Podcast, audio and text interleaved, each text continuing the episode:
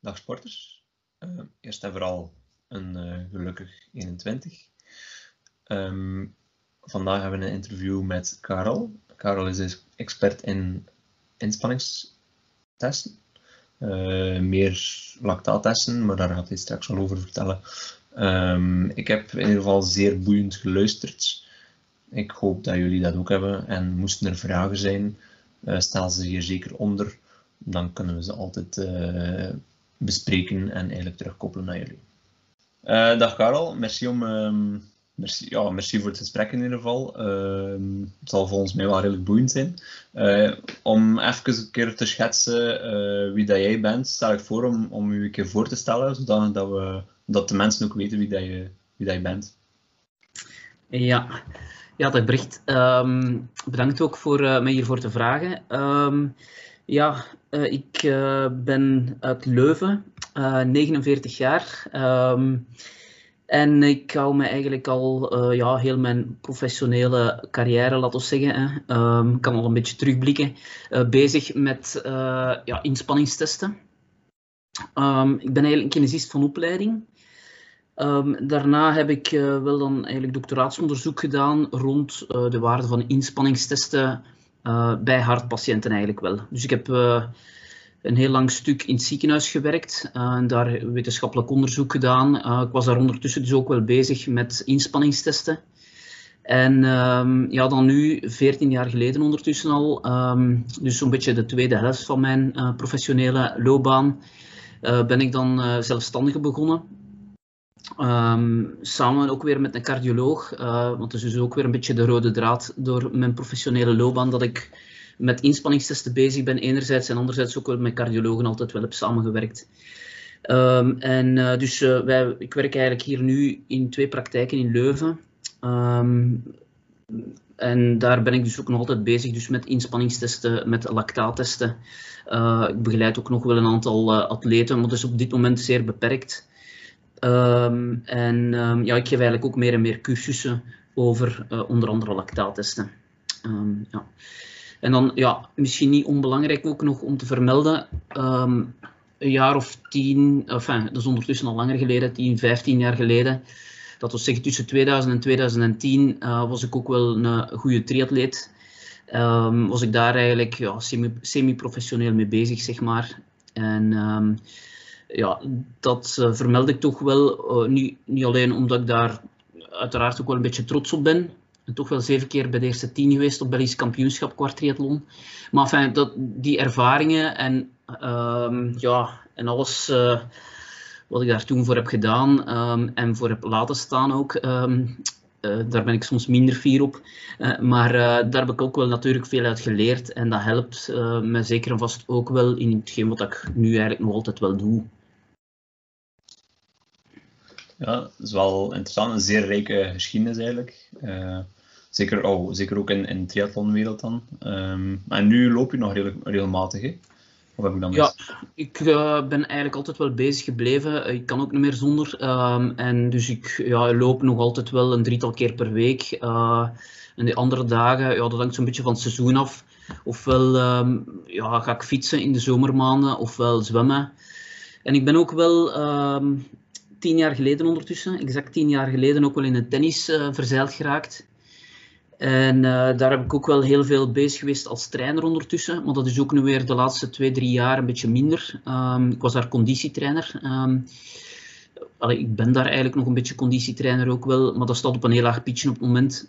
Um, en uh, dus ik speel ook voornamelijk in de zomermaanden. En als er geen corona is, speel ik normaal gezien ook wel één of twee keer per week tennis vind dat eigenlijk ook wel een heel plezant spelletje. Um, ik kijk daar ook heel graag naar. Zelfs, ik keek daar zelfs al graag naar. Uh, nog voordat ik eigenlijk goed wist wat dat tennis was. Um, maar dus ja, op dit moment is dat, dat dus ook eh, echt niks voor, uh, omdat het gewoon echt niet mag. Oké, tof. Mooi, tof om te weten. ja, um, dan gaan we naar de eerste vraag eigenlijk. Um, taaltest ik denk dat hij dan wel de geschikte persoon is om te vragen wat is dat juist? En ja, wat is dat juist? Lactaattest? Ja, dat is uh, een terechte vraag dus, zeker en vast. Wat is een lactaattest? Wel, een lactaattest is eigenlijk niet meer of niet minder dan een inspanningstest.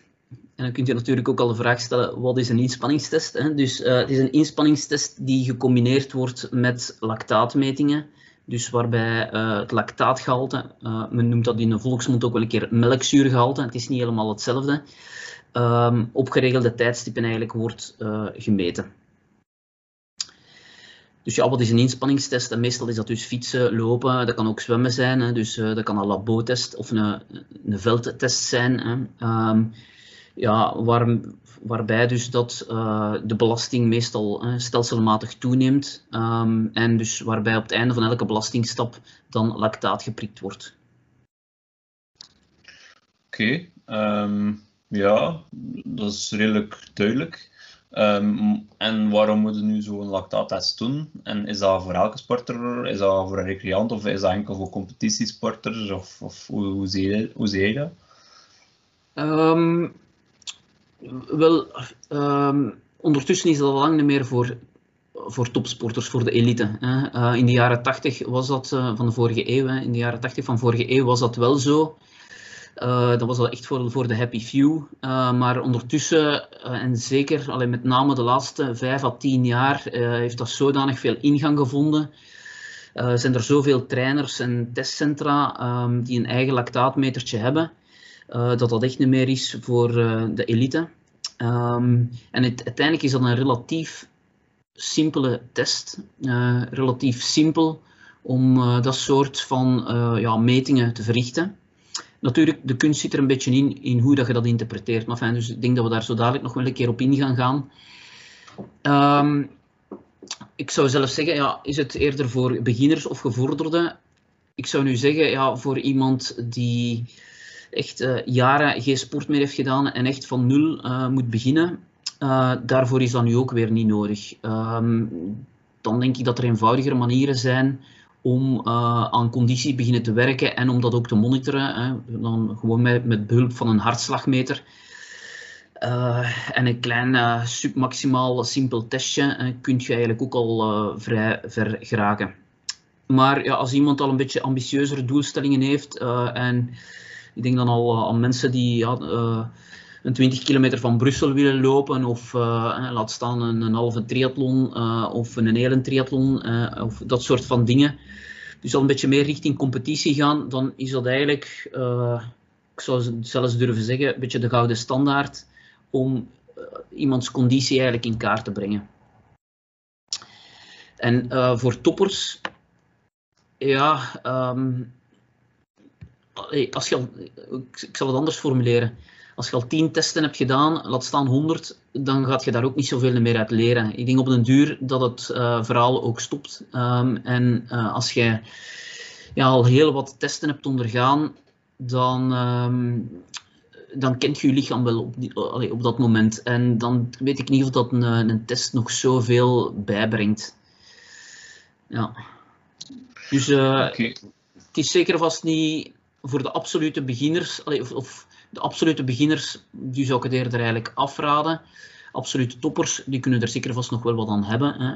Um, en het hangt dan ook wel een beetje ervan af van welk soort van test. Hè. Want dus, er zijn verschillende soorten van testprotocollen ook. Um, en uh, ja, dus het, het kan zeker vast voor hen ook nog wel een meerwaarde hebben.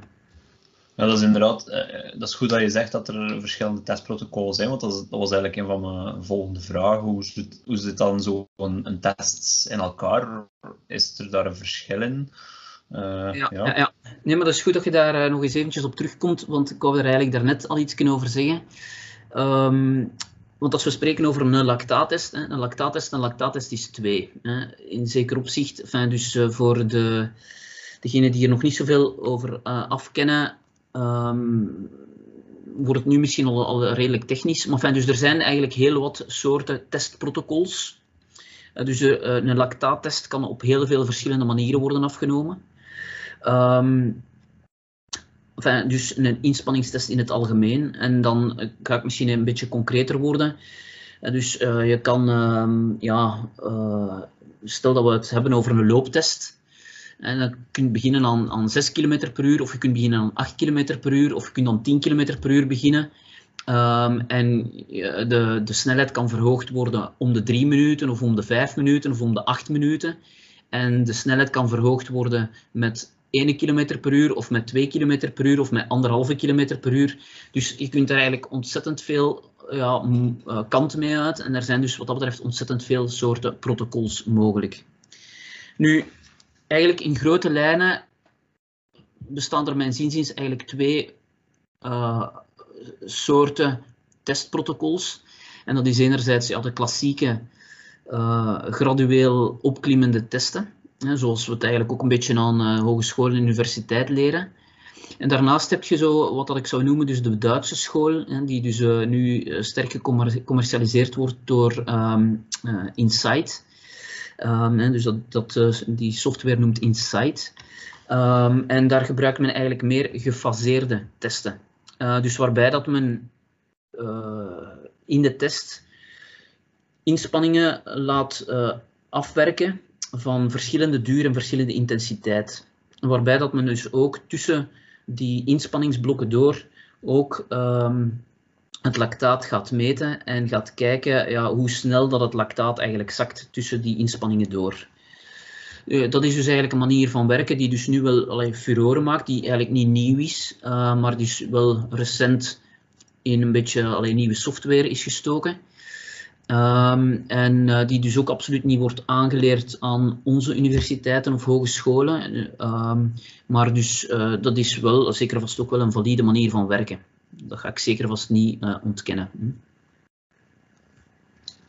Oké, um, dat, dat, is inderdaad redelijk duidelijk. Misschien al voor veel mensen al even, even te ver al. maar om dan, dan even, zijn, veel triatleten maken dan de keuze om eigenlijk een lactaattest te doen in het lopen of het fietsen of, of eventueel zelf in het zwemmen.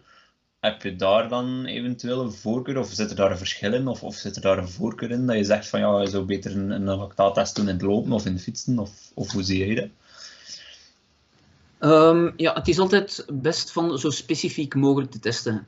Waarmee dat ik wil zeggen um, dat je ja, een zwemmer best test in het zwemmen en een loper best in het lopen. Hm? Um, maar ja, zijn er grote verschillen? Um, bij mijn weten, hè, want ik weet zeker vast ook niet alles, hè, um, ik ben er ondertussen al wel lang mee bezig, maar ja, dus sommige dingen zijn ook wel minder onderzocht en, en over sommige zaken lopen de meningen ook wel wat uiteen. Maar bij mijn weten zijn de verschillen tussen fietsen en lopen niet zo groot. Hè. Dus er zijn er geen systematische verschillen op vlak van uh, lactaataanmaak. Um, maar die verschillen kunnen volgens mij wel groter zijn. Uh, maar ik heb zelf, moet ik er dus volledigheidshalve ook wel bij zeggen, ik heb zelf minder ervaring met zwemtesten. Ik heb dat wel ooit zo exemplarisch wel een keer gedaan, maar doe dat niet systematisch. Maar uh, er zijn wel genoeg redenen om aan te nemen dat er wel uh, substantiële verschillen bestaan tussen zwemmen en fietsen of zwemmen en lopen. Gewoon omwille van de horizontale ligging in het water. Um, en dus dat maakt dat toch fysiologisch een aantal ja, verschillende ja, ja, uh, effecten zult hebben um, in het zwemmen. Ja. En wat dat dus zeker, zeker vast niet onbelangrijk is voor bijvoorbeeld dus triatleten. Uh, stel dat zij een zwemtest willen doen of een lactaattest in zwemmen, ja, is het ook wel belangrijk dat die techniek, de zwemtechniek voldoende ontwikkeld is. Want anders zet je misschien meer zwemtechniek aan het meten dan conditie. Hè? Ja, dat is, dat is inderdaad wel een, een punt dat we veel zin hebben bij triatleet natuurlijk. Uh, maar op zich, eigenlijk bij het lopen en het fietsen, als je nu in het lopen doet of in het fietsen doet, maakt het eigenlijk op zich niet zoveel uit. Tenzij je oh, dat wel heel specifiek moet zijn eigenlijk. Of toch zo specifiek Ja, liefst zo specifiek mogelijk. Dus er zijn dus wel ook nog wel een paar uitzonderingen uh, op uh, aan te merken. Het is te zeggen, uh, stel dat het EKG, hè, dus het uh, hartonderzoek, heel belangrijk is, uh, dan kan dat moeilijk ja, in een zwembad, dat spreekt dan voor zich, maar uh, zeker en vast ook op een loopband. Hè. omdat het EKG dan veel te veel um, ja, artefacten vertoont, omdat je dus continu met het lichaam aan het bewegen bent. Um, en dus stel dat je, dat je naar een dokter moet voor een medisch attest, Um, dan uh, zal die meestal vragen eigenlijk van een keer een fietstest te doen. Uh, ook al zit je dan misschien vooral met lopen bezig. Maar dus het is eigenlijk bijna onmogelijk om een EKG deftig te interpreteren op een loopband. Ja. Oké, okay, dat, is wel, ja, dat is wel een interessant weetje. Want oh, zo'n EKG kan toch wel redelijk belangrijk zijn toch, uh, voor sporters, denk ik dan. Ja. Ja, ehm, en zeker vast, allee, uh, hoe ouder dat je wordt, hè, dus voor de, uh, de al, iets wat oudere sporters, hè, uh, is zo'n EKG of zo'n um, zo'n sportmedische keuring toch wel allee, dus heel belangrijk. Voor jongere kerels zoals jij is de kans natuurlijk ook wel al heel klein, of nog heel klein, dat er iets scheelt. En dan gaat je dat al vaak in rust terug, kunnen terugvinden. Dus uh, cardioloog begint altijd eerst met een, uh, een onderzoek in rust, hè, dus met een uh, rust-EKG en een, een echo, een echografie van het hart in rust, alvorens dus de inspanningstest eigenlijk te doen. En als kerels van uw leeftijd ja, een hartafwijking hebben, dan manifesteert zich dat al wel dikwijls in rusttoestand. Hè, dus, maar ook niet altijd. Hè. Ja, maar dus voor een echt een grondig uh, volledig cardiologisch onderzoek is dus een inspanningstest met een EKG uh, ja, wel nodig. Oké, dat, is wel, dat is wel interessant ook om, om te weten eigenlijk. Een klein beetje ertussen, ja. Tof. Um, nu even terug naar de, naar de testen dan. Wat, wat haal je eigenlijk precies uit die testen? En is dat voor een beginner en een gevorderde, oh, je hebt er wel iets van gezegd, maar is dat voor een beginner en een gevorderde wel verschillend? Uh, kan ik me toch veranderen? Hoe kan me toch voorstellen dat dat verschillend is. Ja, uh, wel, uh, dan moet ik misschien eigenlijk ook een klein stapje misschien teruggaan. Misschien naar uw vraag ook van, ja, wat is eigenlijk een lactaattest? Misschien heb ik daar ook een stapje al over geslagen in de zin van, ja, wat is de onderliggende fysiologie eigenlijk? Hè? Dus wat is eigenlijk lactaat? Um, en lactaat of melkzuur. Hè. Je kunt ze nog altijd wel een beetje als synoniem gebruiken. Er is een klein biochemisch verschil. Maar uh, dus eigenlijk maakt het lichaam voornamelijk lactaat aan. En er is ook wel een klein beetje melkzuur aanwezig. Maar uh, in principe moeten we eigenlijk spreken over lactaat. Wat is nu lactaat? Dat is dus eigenlijk um, een nevenproduct van de koolhydratenverbranding. En ik zeg bewust geen afvalproduct, want dus het is niks negatief. Uh, Integendeel, uh, lactaat kan onder andere ook nog gebruikt worden als brandstofbron. Dus, um, maar uh, als, de, als het lichaam koolhydraten verbrandt of koolhydraten gebruikt als energiebron, dan gaat er dus lactaat gevormd worden. Nu, het lichaam heeft dus nog wel andere opties voor de energielevering en de belangrijkste alternatieve optie, dat zijn de vetten. Als we spreken over duursporten, dan heb je eigenlijk twee brandstofbronnen, dat zijn de vetten en de koolhydraten. En uh, de vetten um, is de, eigenlijk de belangrijkste brandstofbron, omdat we daarvan de grootste voorraad, voorraad hebben. Um, we hebben allemaal in ons lichaam een veel grotere voorraad aan vetten dan van koolhydraten. En dus zelfs die uh, magere Keniaanse marathonlopers, die hebben nog altijd een veel grotere vetvoorraad in hun lichaam dan koolhydraten. Koolhydraten kunnen maar in heel beperkte mate opstapelen. Dus als je iets zo lang wilt kunnen volhouden, met andere woorden, als je een goede conditie of een goede uithouding wilt, dan moet je het eigenlijk hebben van je uh, vetverbranding. Je moet je vetten goed leren benutten. Uh, en daarvoor dient dus eigenlijk duurtraining of uithoudingstraining. Uh, je zult zien bijvoorbeeld dus bij iemand die ongetraind is, die gaat direct zijn koolhydraten beginnen aan te spreken. En dus die gaat ook snel de man met de hamer tegenkomen. Dus eigenlijk Kort door de bocht is uithoudingstraining hetzelfde als, bijna als training van de vetverbranding. Het klopt niet 100%, maar enfin, dus zo kun je het eigenlijk wel bekijken. Dus als uh, het lichaam vetten verbrandt, dan gaat het dus geen lactaat aanmaken. Het is alleen maar bij de verbranding van koolhydraten. Dus als wij tijdens de inspanningsproef um, prikken in de vinger of in het oor, dan, uh, en we bepalen de lactaatconcentratie, dan hebben we dus onrechtstreeks een idee van uh, welk energiesubstraat er gebruikt wordt, dus of dat er vetten of koolhydraten worden uh, gebruikt. En dan moet ik er nog één ding aan toevoegen. Dus uh, uw vetten die kunt je eigenlijk een beetje bekijken als uw diesel en uw koolhydraten als uw benzine. Waarmee dat ik wil zeggen dat je uw vetten voornamelijk gaat gebruiken op het moment dat je op je gemak, rustig aan het sporten bent en nog een woordje kunt babbelen. Hè, dus zogezegd onder de babbelgrens. Terwijl uh, de koolhydraten is dus eigenlijk de benzine, waarmee ik wil zeggen dat je die gaat nodig hebben bij intensievere inspanning. Uh, als er uh, aan hoge intensiteit of dus snel gelopen moet worden of gefietst of gezwommen, en dus dat maakt allemaal niet uit welke sport dat het juist is. Maar dus als je aan hoge intensiteit inspanning levert, ehm, boven de babbelgrens, dan gaat je dus koolhydraten gebruiken en dan wordt er dus ook lactaat gevormd. Dus tijdens de inspanningsproef ehm, zal er dus, uh, naarmate de inspanningsproef vordert, dus ik spreek hier over een klassieke graduele inspanningsproef, ehm, tot eigenlijk maximale uh, inspanning, dus tot vrijwillige uitputting eigenlijk, dan gaat, uh, naarmate dat de test vordert, het aandeel van de koolhydraten in de energielevering toenemen. Dus je gaat met andere woorden ook meer en meer lactaat aanmaken. En op een gegeven moment maak je zoveel lactaat aan dat het ook begint op te stapelen. Um, en dan gaat dus de lactaatcurve exponentieel omhoog. Nu dus, uh, om dan in te pikken op uh, uw vraag, hè, die dat je zo net had gesteld. Uh, waar kijk je naar dus bij beginners en gevorderden, of bij iedereen? wel dus in, om te beginnen kijken we eigenlijk in de eerste plaats naar de snelheid waarmee dat het lactaat wordt opgestapeld. En dus gaat met andere woorden de lactaatcurve snel naar omhoog of niet. En dus hoe langer dat ze vlak blijft, hoe langer dat het duurt voor het melkzuur zich begint op te stapelen, hoe beter iemands conditie, hoe beter iemands uh, vetverbranding eigenlijk. En dat kun, je dat je eigenlijk dus bepalen of een beetje meer uh, objectiveren door te kijken naar uh, de drempels. het is dus een zeer controversieel onderwerp, hoe dat je die drempels dus bepaalt. Hè. Maar dus de drempels horen in elk geval te weerspiegelen, horen in elk geval de conditie, de uithoudingsstatus eigenlijk te weerspiegelen. En dus hoe hoger de drempels liggen, hoe dichter die tegen het maximum liggen, uh, tegen de maximumsnelheid of het maximum wattage, um, hoe beter iemands conditie, hoe beter iemands uithouding. Dus dat is iets wat eigenlijk belangrijk is voor de meeste duursporters. En wat dat vooral belangrijk is, uh, vind ik persoonlijk, en dus bij de beginners.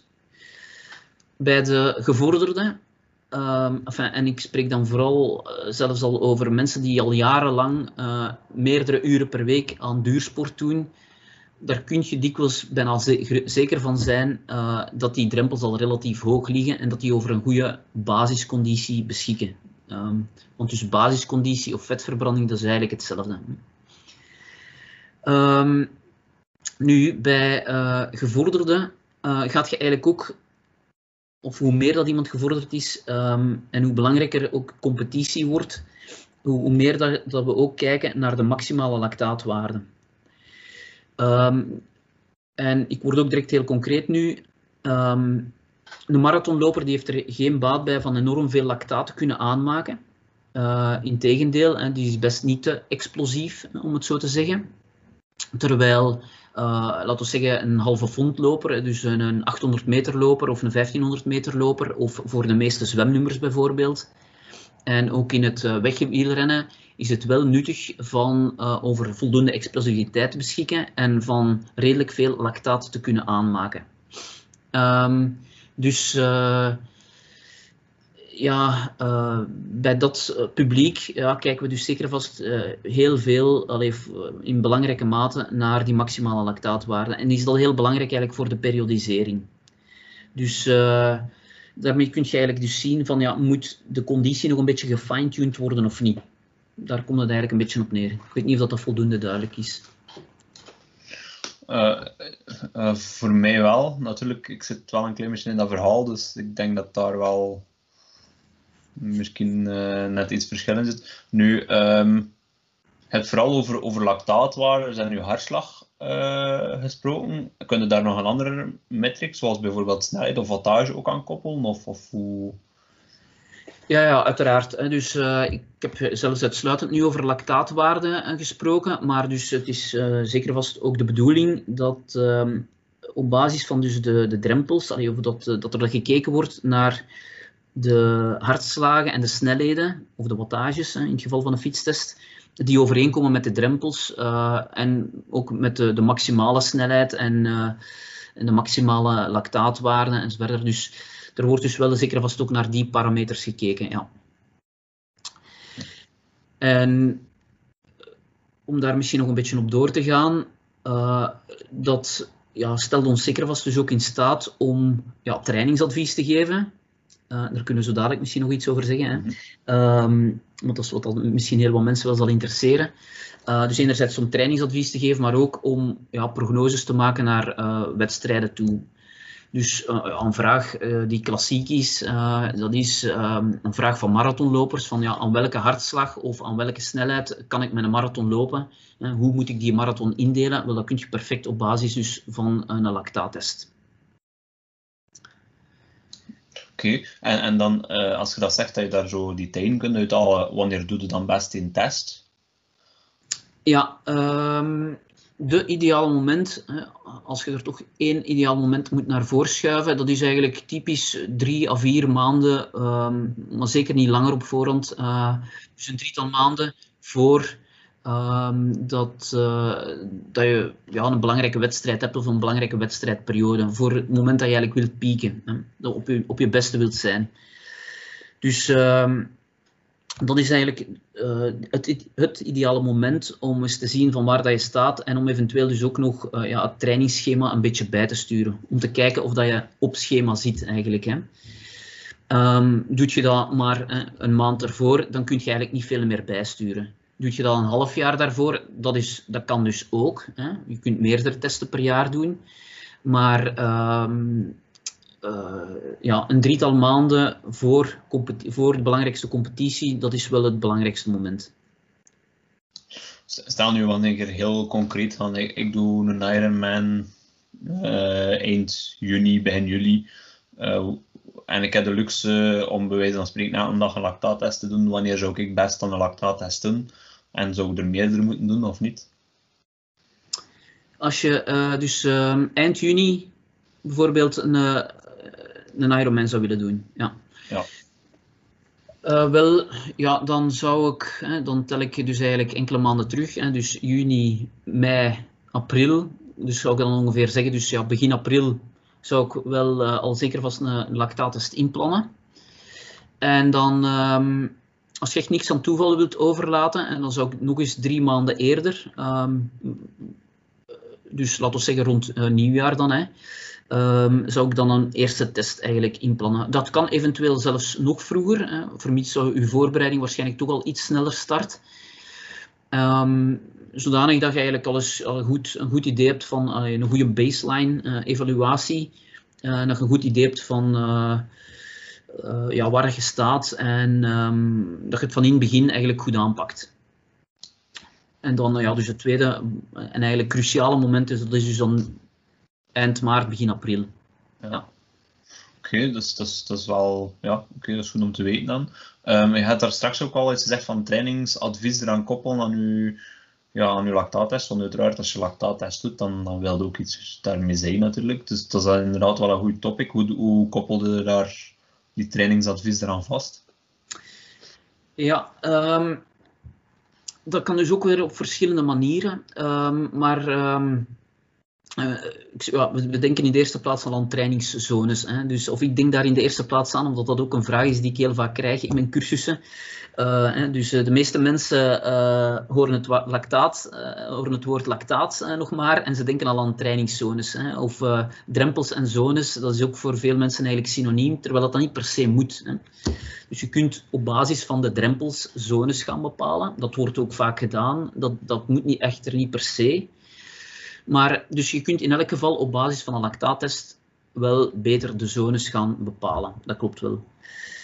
Uh, nu, alleen al, ik had lang verhaal kort houden hier, maar dus uh, alleen al om zones te bepalen, ja, daar kun je dus 101 manieren mee uit. Hè. Er is niet één zaligmakende methode om zones uh, te bepalen of af te bakenen. Hè. Dus dat wil ik toch wel direct meegeven ook aan iedereen. Um, er wordt wel vaak gezegd van ja, je moet in de juiste zone trainen, maar ja, dat is zeer relatief. Hè. Dus er zijn 101 manieren om zones te bepalen. Uh, bijvoorbeeld in alle hartslagmeters moet je vijf zones uh, ingeven, maar bijvoorbeeld uh, de profielrenners zoals Wout van Aert, en die, die trainen met een systeem van zeven zones. Um, nu dus, ja, welke is dan de juiste zones, de juiste zone, of de belangrijkste zone? Wel, ik heb dat eigenlijk min of meer daarnet al beantwoord. Hè. Dus de belangrijkste um, trainingsintensiteit, dat is de lage intensiteit waarin dat je de vetverbranding aanspreekt. Um, want dus ja, uithoudingstraining is in de eerste plaats training van de vetverbranding. En dus uh, je moet er in de eerste plaats voor zorgen dat je over een goede basisconditie beschikt. Uh, dus rustige kilometers, um, dat is eigenlijk dus wel heel belangrijk. En daar kun je dus zones gaan opplakken. Maar dus op basis van de lactaattest kun je zien uh, van ja, heeft iemand nog veel basistraining nodig of niet. Um, dus op basis van de drempels die we bepalen tijdens de lactaattest kunnen we zien van is iemands basisconditie goed of niet goed. En um, is die niet zo goed, dan weet je dat je daar des te meer aandacht moet aan besteden. En je kunt daar dan dus uh, ja, zones gaan opplakken. Uh, waarin dat er aan moet getraind worden. Maar je kunt dat dus ook nog wel op een beetje op een andere manier. Je kunt dus ook wel dat meer gaan omschrijven. Uh, maar je kunt er dus zeker en vast op basis van die lactaattest, dus ook hartslagen gaan opplakken of snelheden of wattages. Um, dus dat is, dat is één ding. Is die basisconditie al goed? Met andere woorden, liggen die lactaatrempels al relatief hoog? Ja, dan moet daar minder aandacht aan, aan besteed worden. Maar dat blijft sowieso voor alle sporters wel heel belangrijk. Uh, dat is een beetje de hoeksteen van uithoudingstraining. Hè? Dus training aan die lage intensiteit. Um, en men zegt dus wel eens een keer dat het gros van uw trainingen uh, in die lagere uh, trainingszones, om dat woord nu toch maar terug te gebruiken, moet, moet plaatsvinden. En dat, is, dat is wat dat ze en sommigen onder de, de kijkers zullen dat misschien dus wel interessant vinden. En dus dat is wat men tegenwoordig gepolariseerd trainen noemt. Hè. Dus dat het, het gros van uw trainingen moet echt rustig gebeuren. Uh, en wat houdt dan gepolariseerd trainen nog in? Dus dat als je dan intensief traint, met andere woorden ja, interval traint, dan mag het echt heel intensief zijn. Uh, dus uh, dat is dan eigenlijk ook wel het tweede luik, waar we dus dan het trainingsadvies kunnen aan koppelen, maar dus dat is dan meer gebaseerd eigenlijk op de maximale lactaatwaarde. Um, dus daar kijken we eigenlijk naar om te bepalen welk soort van intervaltraining dat iemand nodig heeft. Of soort, welke intensievere uh, trainingsvormen dat iemand nodig heeft. En dan kom ik terug bij mijn voorbeelden van daar straks. En dus stel dat je een marathonloper test en die maakt heel veel lactaat aan bij maximale inspanning um, ja, dan weet je dat je die uh, eerder wat langere intervals mocht laten doen. Um, dus zo'n beetje meer de threshold training, uh, dus zo de middelste intensiteitszone, laten we zeggen. Um, en uh, ja, is dat eerder bijvoorbeeld een 800 meter loper die weinig lactaat aanmaakt, hè, als dat blijkt uit zijn test dat hij weinig lactaat aanmaakt, dan gaat je die eerder ja, intervals laten doen, kortere intervals aan heel hoge intensiteit, um, om ervoor te zorgen dat hij meer lactaat zal aanmaken. Uh, dus dat is eigenlijk een beetje het idee dat erachter zit. Dus we kijken eigenlijk enerzijds naar de lactaatrempels en anderzijds ook naar de maximale lactaatwaarden. Dat zijn eigenlijk de twee belangrijkste ja, parameters waar je naar kijkt in een lactaattest. Oké, je hebt redelijk uitgebreid over die basis had kun je eigenlijk te traag trainen of kan dat niet? Is misschien een rare vraag, niets met uh, nee, te maken. Dat is, dat is zeker vast geen rare vraag. Dat is, een, dat is ook een heel terechte vraag. Um, Um, laten we zeggen, de meest gemaakte trainingsfout, ik ga er een beetje met een omwegje op antwoorden weer. Um, de meest gemaakte trainingsfout is systematisch te snel willen trainen. En, dus, en dat is wat dat meestal gebeurt. En het omgekeerde, te, te traag trainen, dat gebeurt zelden. Maar dat gebeurt ook wel. Dus ja, mijn antwoord is eigenlijk ja, het kan dat je eigenlijk te traag traint. Ik denk zelfs, dat is meer mijn ervaring die dan spreekt als trainer en, uh, testafnemer. Um, er is mijn zinziens wel een minimale intensiteit nodig, zelfs om die vetverbranding voldoende te trainen. Uh, vandaar dat we meestal dus ook een ondergrens uh, instellen in een hartslagmeter en zo verder. Dus um, ja, nu, het gaat niet snel gebeuren, hè, maar je kunt dus toch wel, ja, wat we dus noemen, ondertraining, hè, dat kan. Hè. En, uh, misschien dat je initieel met te rustig te willen trainen, dat je ook wel effect gaat uitlokken, maar dat gaat vrij snel dan stoppen. Dus um, om op langere termijn wat progressie te blijven maken en, of om de trainingseffecten in stand te houden, is er toch wel een minimale intensiteit ook wel nodig, zelfs om die vetverbranding uh, ja, dus te trainen. Oké. Okay. Uh, maar het komt inderdaad niet zoveel voor. Nee, nee, nee. het is uh, eerder zelden. Ja, oké. Okay. Dat is goed. Um, Ja, ze spreken trouwens ook wel van ehm, uh, recuperatietraining. Hè. Dat is dus ook wel, allee, dikwijls als je hartslagzones moet instellen verder, dan is er meestal ook wel een, een zone die noemt uh, ja, herstelzone of zoiets. Hè. En uh, dus dan gaat het wel ook per definitie over heel korte inspanningen, maar dus zeker vast ook aan heel lage intensiteit. Dus dat zijn eigenlijk de twee kenmerken van een hersteltraining. Ik vind dat persoonlijk nu ook wel een woord wat dan nogal te pas en te onpas wordt gebruikt. Ik gebruik het zelf niet zo graag. Maar uh, ja, bijvoorbeeld in het fietsen, hè, uh, wat je bijvoorbeeld dus denk ik ook wel de veldrijders af en toe ziet doen, vlak na hun, hun veldcross, en dat is nog een half uur op de rollen gaan losfietsen. Ja, dat kan, dat kan wel het herstel bevorderen. Maar een marathonloper die zal niet na zijn marathon nog een half uur gaan loslopen. Dus ik, denk dat dat al zeer sterk afhankelijk is van het type activiteit waarover dat het gaat. Ja, oké. Ja, dat is, dat inderdaad wel een, een goede kanttekening erbij.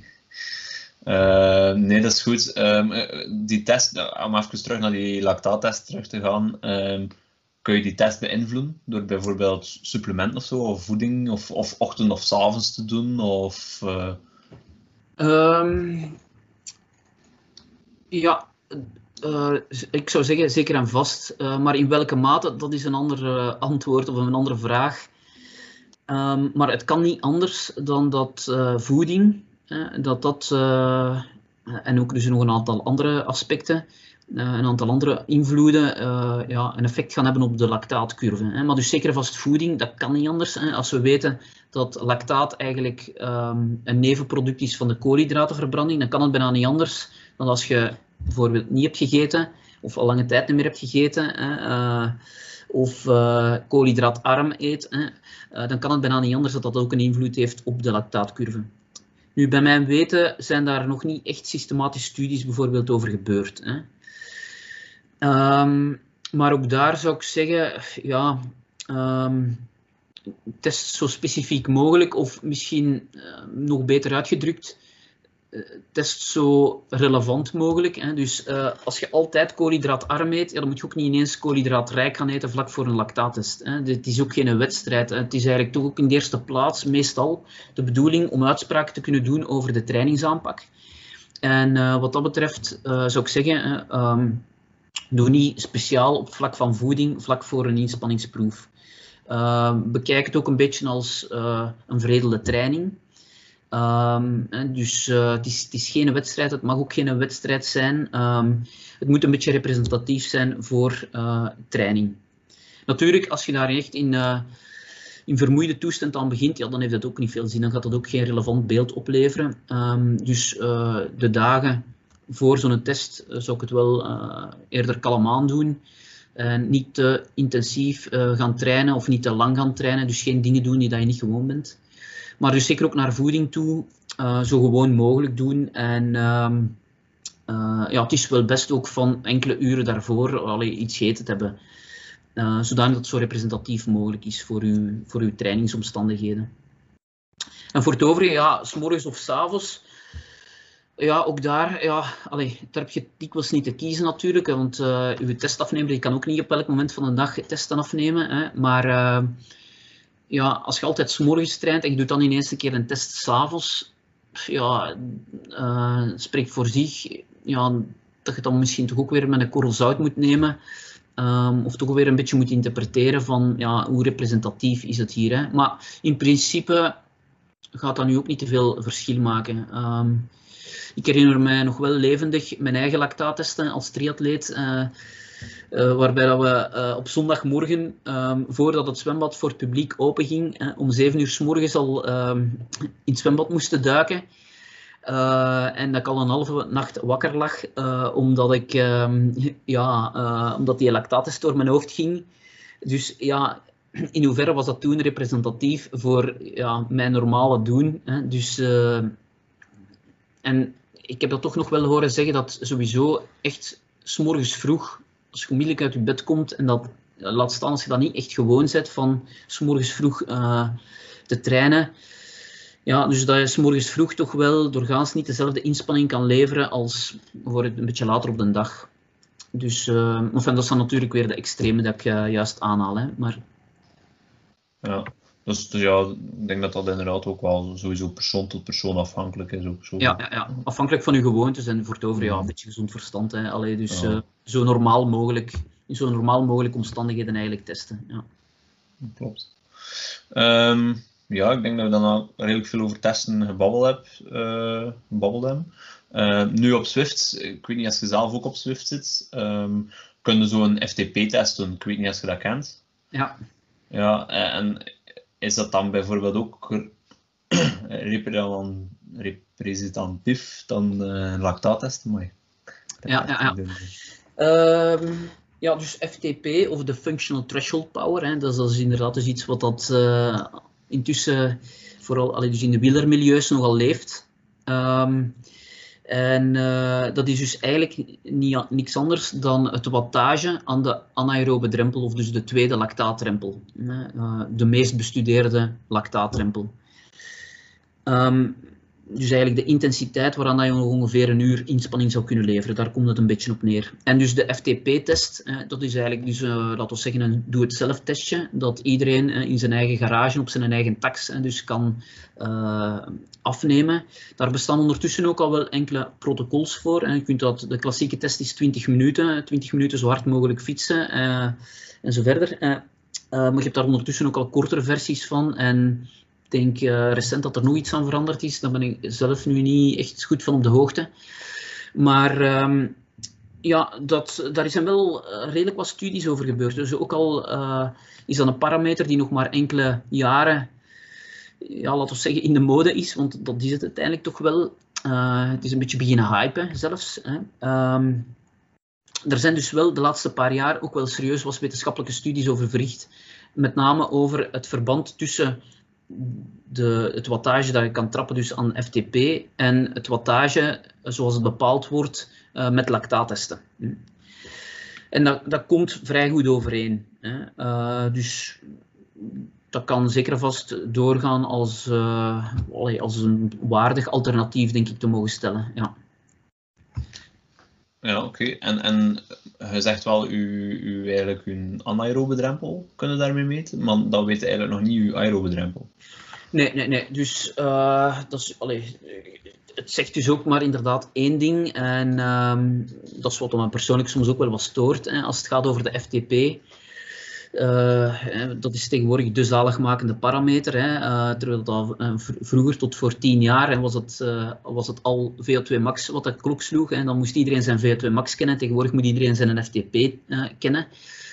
dus er is, als het gaat over duursporten, er is niet één zaligmakende parameter. Hè. Dus... Um, en dus het is maar één aspect eigenlijk om te kijken naar iemands conditie. Dus een hoge FTP of een hoge VO2 max, dat zegt inderdaad iets over iemands uithouding. Als uw VO2 max hoog is, als uw FTP hoog ligt, dan heb je heel waarschijnlijk een heel goede conditie. Um, allee, niet heel waarschijnlijk, dan heb je een heel goede conditie. Um, maar het is langs de andere kant ook weer maar één aspect om daarnaar te kijken. En in het geval van FTP ja, weet je dus niks eigenlijk of heel weinig over de onderliggende fysiologie.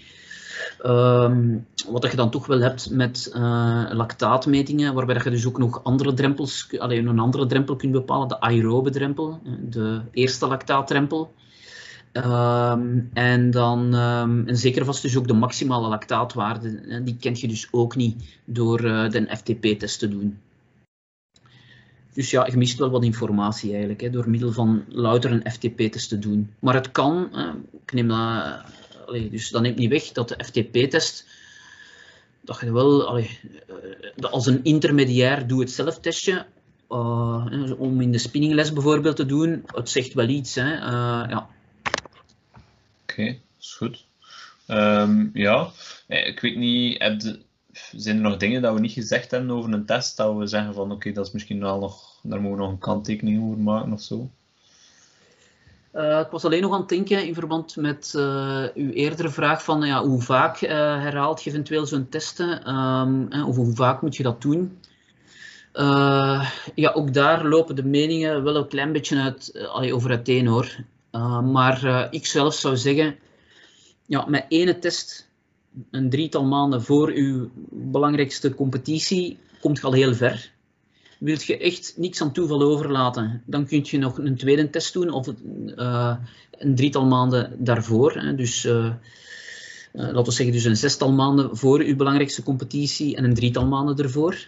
Um, maar ja, vaker, um, dat heeft mijn zinziens weinig meerwaarde. Um, ik weet wel dat er met name toppers eh, wel vaker testen doen. Um, dat dat door in sommige testcentra ook wel een beetje bekeken wordt als een soort terugkommoment. Uh, ik denk dat dat ook voor een aantal ja, uh, testafnemers, testcentra, ja, um, lucratief is. Hè, van mensen regelmatig te laten komen ook voor een test. Maar eigenlijk, als je dus tussen die testen door als trainer uw atleet ook een beetje opvolgt, dan heb je daar eigenlijk weinig nood aan om frequenter te testen uh, dan, dan twee keer uh, op een seizoen. Uh, en dus ik zou er ook gemiddeld genomen een drietal maanden tussen laten, tussen herhaalde testen. Um, minder dan twee maanden is te kort meestal om echt ja, het effect van een trainingsinterventie te kunnen meten tenzij dat je echt met beginners te maken hebt, die gaan in het begin, uh, in het begin maak je eigenlijk heel veel uh, vooruitgang op heel korte tijd. Maar dus ja, hoe verder dat iemand gevorderd is, hoe beter iemands conditie al is, hoe minder dat je nog effect gaat zien van een bepaalde trainingsaanpak. Hè. En dus ik zou wat dat betreft zeggen, laat er drie maanden tussen, tussen twee opeenvolgende testen.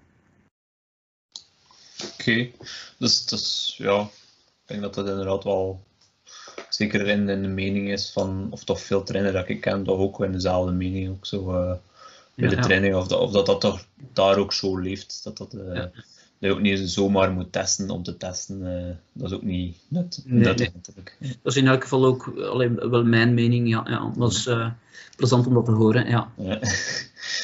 um, nu heb ik eigenlijk nog, nog twee vraagjes dat eigenlijk niet kon voorbereiden, maar dat is, dat is eigenlijk een beetje los van, van de lactaattesten.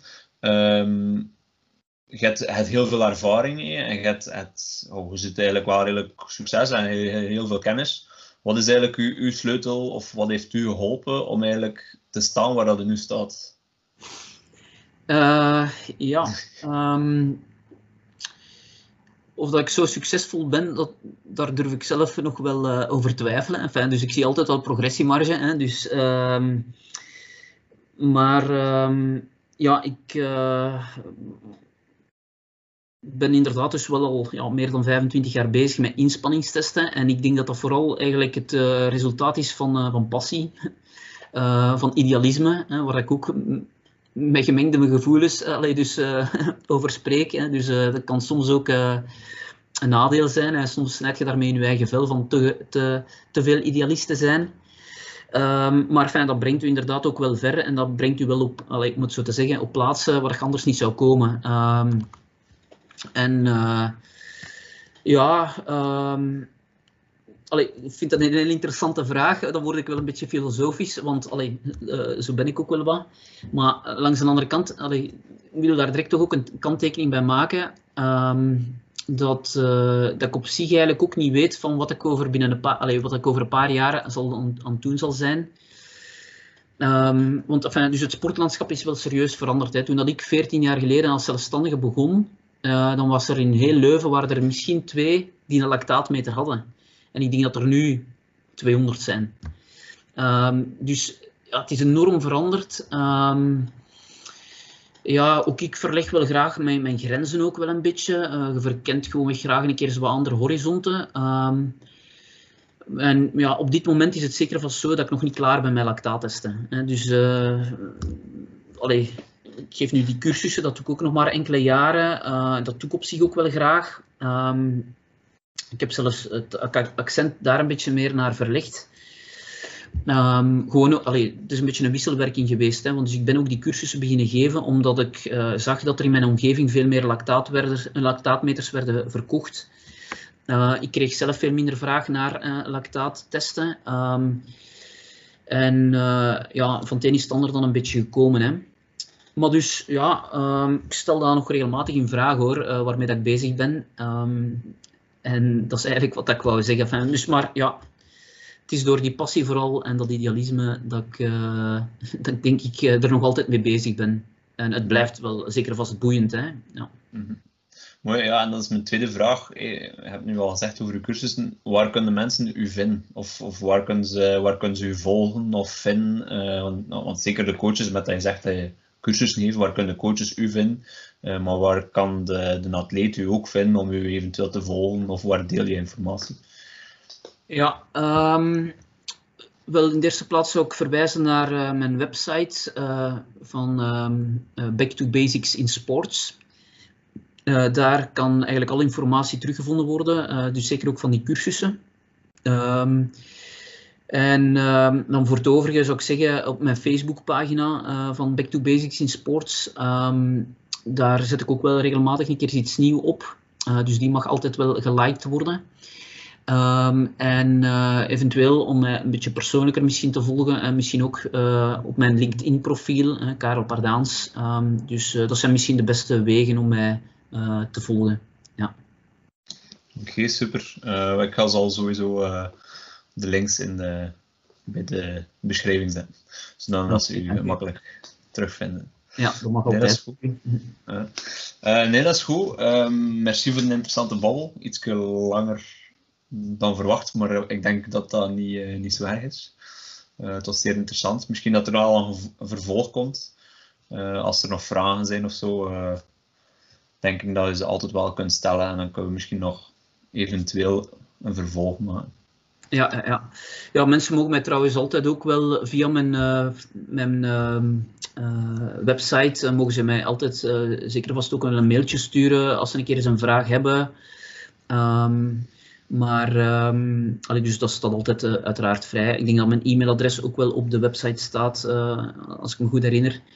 Um, dus dat mag zeker vast ook altijd. En wij onderling, wij kunnen zeker vast ook nog wel altijd de bericht uh, een keer eens inderdaad van gedachten wisselen.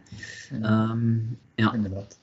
Ik denk dat dat wel geregeld gebeurt. Of ja, ondertussen geregeld gebeurt. Ja. Ja, ja, In elk geval ook bedankt voor uh, de uitnodiging en de babbel. Met, met veel plezier gedaan. Graag gedaan. Um, nogmaals dank aan Karel.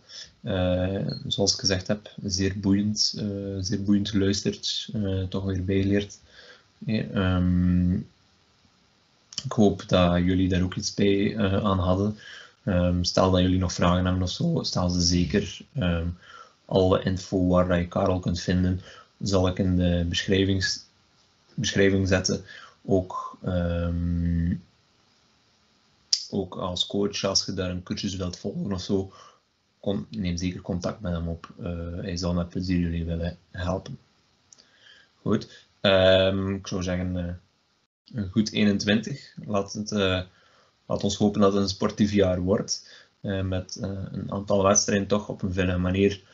En tot binnenkort.